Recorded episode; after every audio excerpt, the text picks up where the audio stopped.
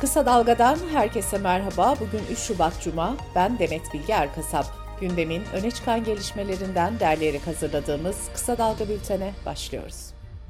Almanya, Hollanda, Fransa gibi ülkeler konsolosluklarını güvenlik gerekçesiyle kapatırken Amerika'dan da peş peşe seyahat uyarıları gelmişti.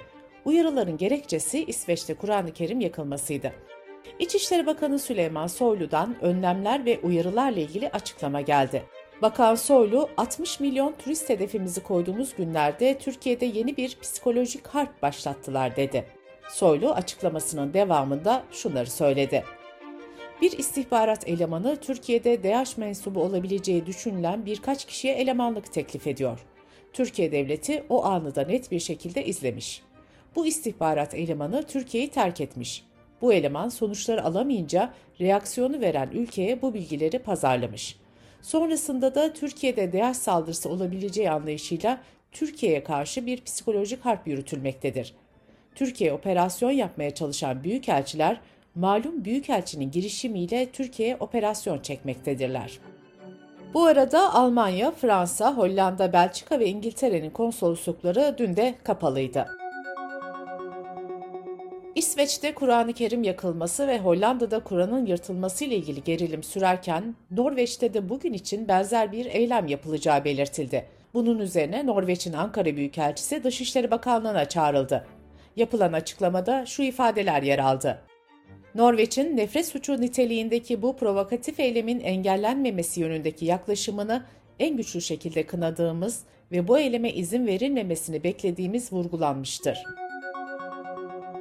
Anayasa Mahkemesi Başkanı Zühtü Arslan'ın görev süresinin 13 Şubat'ta dolması nedeniyle Yüksek Mahkeme'de dün başkanlık seçimi yapıldı.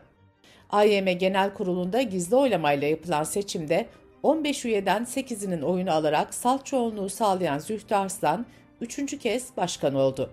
Diğer adaylar İrfan Fidan 5 ve Kadir Özkaya ise 2 oy aldı. Anayasa Mahkemesi üyesi İrfan Fidan son anda adaylığını açıklamıştı. Yargı kulislerinde İrfan Fidan'ın adının doğrudan Cumhurbaşkanlığından işaret edildiği öne sürülmüştü. Zühtü Arslan Anayasa Mahkemesi Başkanlığı'na 2015'te seçilmişti. Arslan o tarihten bu yana AYM Başkanlığı'nı yürütüyor. Cumhurbaşkanı Erdoğan'ın yeniden aday olamayacağı tartışmaları ile ilgili Meclis Başkanı Mustafa Şentop'tan yeni açıklama geldi. Şentop adaylığın hukuken bir sorun olmadığını belirterek şunları söyledi. Cumhurbaşkanı kelimesi 16 Nisan 2017 Anayasa değişikliği sonrası farklı bir anlam kazanmıştır. Hiçbir tereddüt yok. Cumhurbaşkanımızın bu birinci dönemidir, ikinci defa adaylığı söz konusudur. Bu bakımdan anayasaya göre hiçbir hukuki problem yoktur. Seçim süreci hızla ilerlerken Millet İttifakı'nın adayı da gündemin ilk sıralarında. İttifak adayının 13 Şubat'ta belirleneceğine dair açıklamalar yapılmıştı. Hatta kulis bilgilerinde adayın aynı gün açıklanacağı da öne sürülmüştü. Deva Partisi Genel Başkanı Ali Babacan dün yaptığı açıklamada adayı 13 Şubat'ta açıklamak istediklerini belirterek olmazsa da dünyanın sonu değil, teorik olarak 30 Mart'a kadar süre var dedi. İstanbul Havalimanı'ndan dün iki ayrı gözaltı haberi geldi. Televizyon programcısı Metin Uca, Ankara'ya gitmek için bulunduğu İstanbul Havalimanı'nda hakkında arama kararı olduğu gerekçesiyle gözaltına alındı. Gazeteci Murat Ağrel, Uca'nın tiyatro oyunundaki bir diyalogla ilgili gözaltına alındığını duyurdu. Modacı Barbaros Şansal da Kıbrıs dönüşü İstanbul Havalimanı'nda yine hakkında arama kararı olduğu gerekçesiyle gözaltına alındı. Şansal hakkında Türkiye Cumhuriyeti hükümetini, devletin yargı organlarını, askeri veya emniyet teşkilatını alenen aşağılamak suçlamalarından arama kararı bulunduğu belirtildi. Milli Eğitim Bakanlığı bu yıl özel okullardaki zammı %65 olarak duyurmuştu. Okullar zammı sınırlı tutsa da veliler bu kez yemek, kırtasiye, giysi gibi ek giderlerle karşılaştı. Milli Eğitim Bakanlığı velilerden ek ücret talep edilmesine dair şikayetleri değerlendirmeye aldı ve inceleme başlattı. Mevzuata göre şikayetler doğruysa öncelikle özel eğitim kurumuna asgari ücretin 5 katı kadar idari para cezası uygulanıyor. Aynı fiilin tekrarı halinde ise asgari ücretin 25 katı kadar idari para cezası veriliyor. Aynı durum üçüncü kez yaşanırsa kuruma kapatma cezası gündeme geliyor.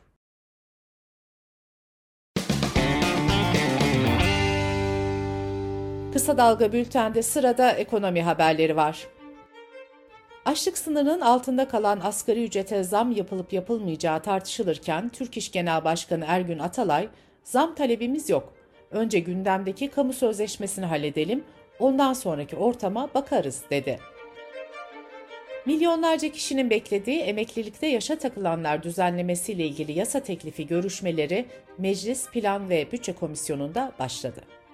EYT'nin 2023'teki toplam maliyetinin 194 milyar lira olacağı tahmin ediliyor.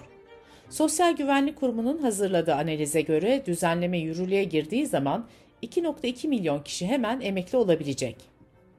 Bu arada Cumhurbaşkanı Erdoğan da EYT'lilerin ilk maaşlarını alacağı tarihe ilişkin açıklama yaptı. Erdoğan, EYT'lilerin ilk maaşını Şubat ya da Mart'ta alabileceğini söyledi.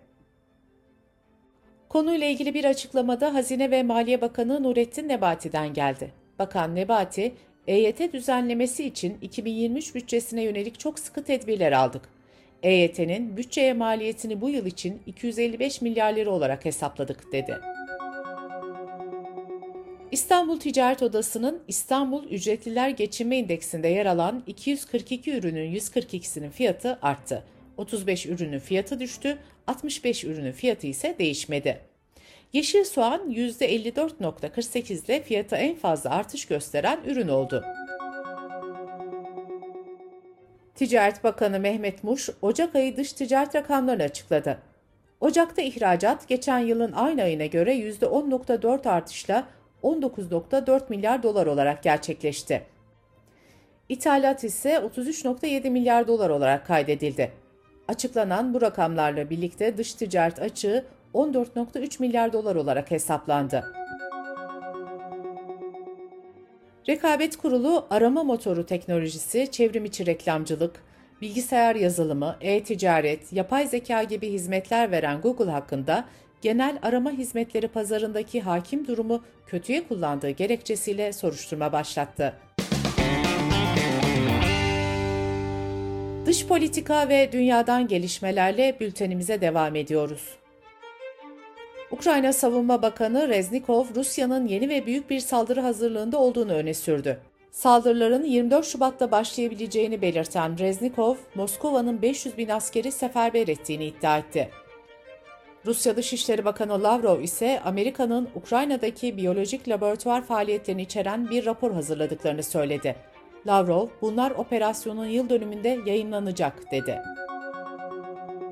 Rusya-Ukrayna savaşının ardından ilk kez düzenlenecek olan AB-Ukrayna zirvesine katılmak için 16 kişilik AB heyeti Kiev'e gitti. Bugün yapılacak zirvede Ukrayna'ya verilecek desteğin yanı sıra ülkenin AB üyeliği konusu da gündeme gelecek. Ayrıca ticaret engellerinin kaldırılması, insani ve askeri yardımlar gibi konuların da zirvenin gündeminde yer alması bekleniyor. Ukrayna'ya savaşın başlamasından 4 ay sonra AB adayı statüsü verilmişti. Ancak ülkenin kısa sürede AB üyesi olması beklenmiyor. ABD Federal Soruşturma Bürosu FBI, ABD Başkanı Joe Biden'ın konutunda gizli belge araması yaptı. Aramanın sonucunda herhangi bir gizli belge bulunmadığı belirtildi. Kanada parlamentosu Çin'den farklı ülkelere kaçan ancak geri dönmeleri için baskı gören 10 bin Uygur vatandaşını kabul etme teklifini oy birliğiyle kabul etti. Önerge programın 2024 yılında başlaması ve Kanada'ya getirilecek Uygurların masraflarının da Kanada hükümeti tarafından karşılanmasını içeriyor. Meksika'nın Puebla eyaletinde çıkan orman yangınına belediyenin yeteri kadar müdahale etmediğini savunan bir grup protesto düzenledi. Yetkililerin halkla yaptığı görüşmede anlaşma sağlanamayınca protestocular arasından 30 kişilik bir grup belediye başkanını kaçırdı. Belediye başkanı ve diğer yetkililerin istifasını talep eden protestocular taleplerinin yerine getirilmemesi halinde yetkilileri yakarak öldürmekle tehdit etti. Almanya'da koronavirüs pandemisi nedeniyle yürürlüğe giren toplu taşıma araçlarında maske takma zorunluluğu kaldırıldı. 2020 yılının Mayıs ayında toplu taşıma araçlarında maske takmak zorunlu hale getirilmişti. Almanya'da ayrıca enfeksiyon geçirenlere 7 günlük karantina zorunluluğu da gevşetildi. Bu kural Almanya'da sadece 3 eyalette uygulanıyor. Hollanda'daki bir çiftlikte 2011 yılından bu yana ilk kez deli dana hastalığına rastlandı. Hollanda Tarım Bakanı hasta sığırdan elde edilen etin besin zincirine girmediğini ve gıda güvenliğini tehdit etmediğini açıkladı. Hastalığın görüldüğü çiftlik karantina altına alındı. Deli dana virüsü insanlarda ölümcül bir beyin hastalığına neden oluyor. İtalya bugünlerde ilginç bir yargı kararını konuşuyor. Yargı süreci çocukların büyük annesi, büyük babası ve amcasının ebeveynlerin koyduğu engeller nedeniyle çocukları göremedikleri yönündeki şikayetle başladı. Mahkeme ise çocukların çıkarlarının büyük anne ve büyük babanın çıkarlarından üstün olduğunu belirtti. Mahkeme ayrıca çocukların istemedikleri takdirde görüşmeye zorlanamayacağına hükmetti. Bültenimizi kısa dalgadan bir öneriyle bitiriyoruz. Gazeteci Hediye Levent hem tarihi yazan hem de hikayeleriyle tarihe geçen casusları ve casusluk hikayelerini anlatmaya devam ediyor. Podcast serisinin ikinci bölümünde Orta Doğu'nun kaderini değiştiren önemli isimlerden biri olan Gertrude Bell'in hikayesi var. Orta Doğu'nun Casusları podcast serisini kısa dalga.net adresimizden ve podcast platformlarından dinleyebilirsiniz. Gözünüz kulağınız bizde olsun. Kısa Dalga Medya.